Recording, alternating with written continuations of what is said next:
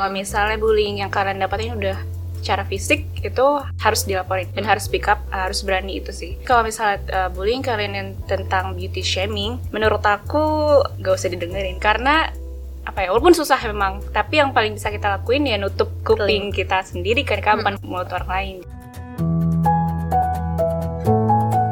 Semua bisa cantik podcast. Setiap perempuan berhak dan layak disebut cantik tanpa terkecuali.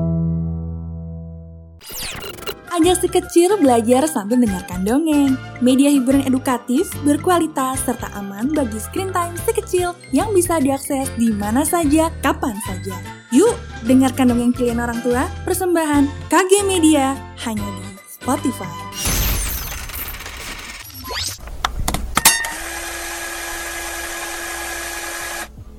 Halo Style Lovers, selamat datang kembali di podcast Semua Bisa Cantik yang akan membahas kecantikan lebih dari sekadar fisik semata. Kembali bersama aku Cherry. Di episode ini aku sudah bersama dengan Mutia Virus Zahra yang akan membagikan pengalamannya mengenai beauty shaming yang dialaminya. Mutia menjadi korban perundungan karena memiliki rambut yang keriting. Standar kecantikan yang menganggap perempuan cantik adalah mereka yang memiliki rambut lurus, menyebabkan Mutia mendapatkan candaan frontal yang begitu menyakitkan. Bahkan dirinya sampai harus ke psikolog anak karena dirundung meskipun sudah pindah sekolah. Lalu bagaimana Mutia dapat bangkit dan melewati itu semua? Boleh silahkan perkenalkan dirinya dulu Mutia. Halo Style Lovers, perkenalkan nama aku Mutia Fadu Zahra, biasa dipanggil Mutia. Kesibukan aku sekarang ini lagi ada uh, small business di bidang fashion. Boleh loh kalau mau di uh, mention bisnisnya oh, iya. di bidang fashion karena kan kamu style babes kan, jadi nggak apa-apa. jadi kalau misalnya uh, buat kalian pecinta uh, Korea style atau yang basic-basic style, kalian boleh banget mampir ke timeless.outfit.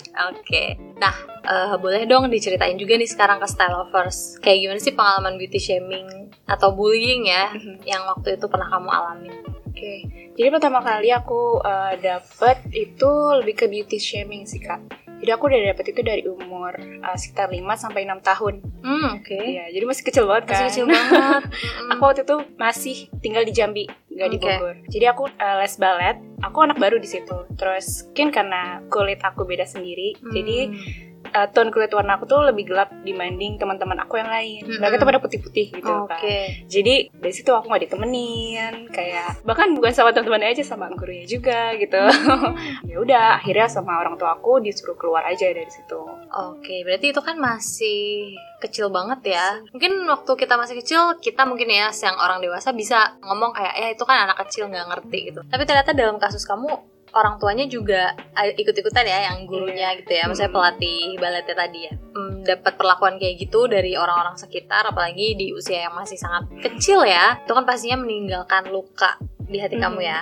Nah apakah hal itu tuh memberikan dampak di diri kamu gitu? Misalnya jadi takut ketemu orang saya jadi takut kenal sama orang baru atau mungkin kamu pernah sampai ada di titik di mana kamu sampai benci sama diri kamu sendiri. Insecure sih kayak jatuhnya. Hmm, sama okay. kayak kenapa sih kok kulit aku beda dari yang lain? Okay. atau kenapa kulit gelap itu jadi masalah? Hmm, atau jadi beda sendiri? Kayak gitu sih kak. Selain apa kulit kamu yang warnanya agak gelap gitu. Hal iya. lain dari penampilan tuh ada juga nggak sih yang ada. Dari um, misalnya hidungnya pesek terus matanya beda sebelah waktu dulu kan okay. waktu kecil. Serambut juga ya? rambutnya ikal keriting beda sama keluarga aku juga kan hmm. pada lurus lurus rambutnya. Terus teman-teman aku kan dulu tuh kayak trennya tuh lagi rambut lurus berarti cantik gitu kan. Oke. Okay. kulit putih sama dengan cantik gitu. Hmm. bibir tipis sama dengan cantik. Nah bibir aku kan lumayan ada ya kayak tebel gitu ya kan kok kayak Kylie Jenner kan?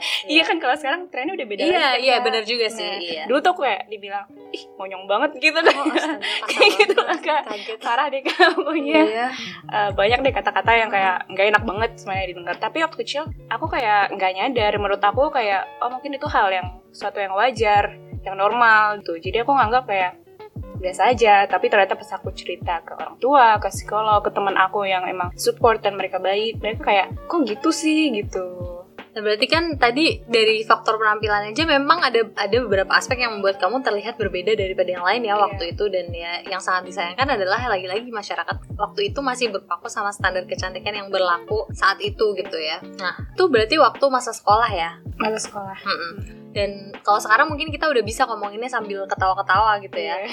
Nah, tapi setelah uh, ngalamin bullying di masa sekolah itu sekarang nih atau mungkin nggak usah terlalu jauh sampai sekarang misalnya di masa remaja waktu kuliah udah hingga ke sini apakah sampai sekarang juga kadang masih nerima ucapan orang kayak ah karena kan sekarang penampilan kita udah berubah ya udah dewasa udah ngerti cara ngerawat diri dan lain-lain. Tapi pernah juga gak sih di usia yang udah udah dewasa ini masih aja terima kata-kata kayak ah kamu kan cantiknya karena makeup doang. Begitu tuh masih ada gak sih? Udah biasa. Oh ya?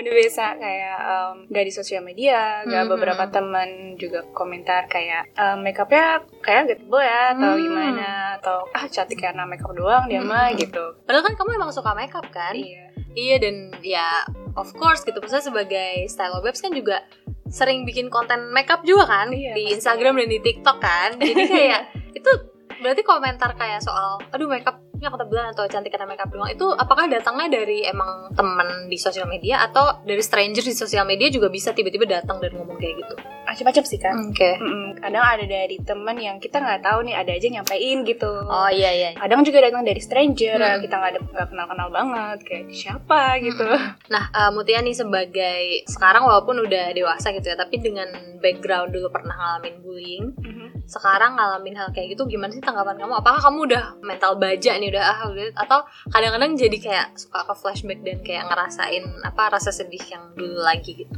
Em, sekarang sih udah lebih cuek sih kak Oh, Udah ya? kayak ya terserah dia mau ngomong apa Hmm. gitu cuman kalau untuk ke flashback gitu gitu ya masih sih kak Kita nggak bisa juga sekuat apa sih Iya. hati kita ini ya gitu. Jadi kadang masih suka kayak gitu. masih Oke. Nah, tadi kan kita juga ngomong ya, maksudnya dari pengalaman kamu waktu masih kecil atau mungkin yang sampai sekarang kamu masih alamin yang bisa dari strangers itu gitu. Kadang kan banyak orang tuh nggak sadar gitu. Mereka tuh pikirnya itu ya niatnya cuma bercanda atau cuma basa-basi aja gitu. Apalagi kalau dulu waktu kecil kan tuh diucapkannya sama anak sekolah, ya kan? Kayak tadi aku bilang, mungkin anak kita bisa bilang ah anak kecil gitu nggak ngerti gitu kalau apa yang mereka lakukan tuh sebenarnya salah gitu tapi gimana sih caranya Mutia akhirnya menghadapi pengalaman bullying itu dalam jangka waktu yang panjang gitu ya sampai akhirnya kamu bisa bertahan sampai saat ini sulit sih menurut aku karena ya itu em, selama aku pindah ke Bogor aku kayak terus terus terusan dapat bullying itu Hmm. jadi kelas 1 sampai kelas 3 em, karena aku dibully itu aku dipindahin ke sekolah lain tapi ternyata di sekolah yang satunya juga tetap dapat bullying Hmm. sampai aku tuh pernah di ke psikolog kayak gitu Hmm. terus kayak diikutin kelas kembang diri Oh, kepercayaan oke. diri kayak gitu sih kak jadi pindah sekolah itu tidak menyelesaikan masalah ternyata ya di Enggak. sekolah yang baru tetap mengalami hal yang sama sampai akhirnya kamu ke psikolog anak ya Iya.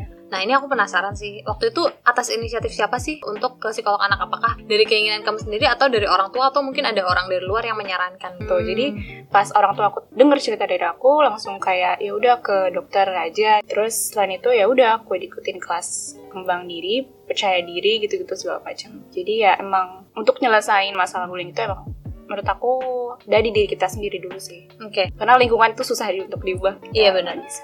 Jadi gimana usaha kita untuk mengatasi itu Dan kalau kita nggak sanggup sendiri Kita harus reach out ya. Iya benar. Eh, Cari bantuan Hmm. dari orang terdekat Atau ke profesional gitu ya. Nah kalau dari Mutia sendiri nih Sebagai yang pernah mengalami Dan di usia yang masih muda banget Seberapa berpengaruhnya sih menurut kamu Untuk berkonsultasi sama psikolog anak itu Dalam membantu kamu mengembalikan kepercayaan diri kamu Dan mengatasi masalah kamu waktu itu? Eh, ngaruh banget. Di sana tuh kayak eh, diajarin lebih percaya diri Hmm. terus kita juga cerita bisa lebih leluasa kan ke Mm-mm. mereka kan menurut Mutia itu sangat membantu dan sangat penting ya. Mm-mm.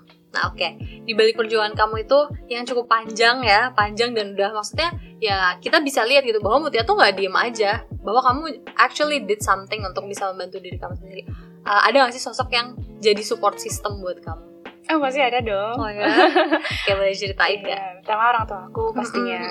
Um, terus teman aku ini salah satunya ada juga di sini lagi nonton Oke, terus um, ya keluarga sih itu yang paling utama oke. menurut aku Nah, Mutia nih kalau aku dengar dari ceritanya maksudnya cukup beruntung ya karena dari sejak awal orang tuanya juga uh, aware dan apa ya suportif gitu ya sampai bisa menawarkan untuk ke professional help gitu.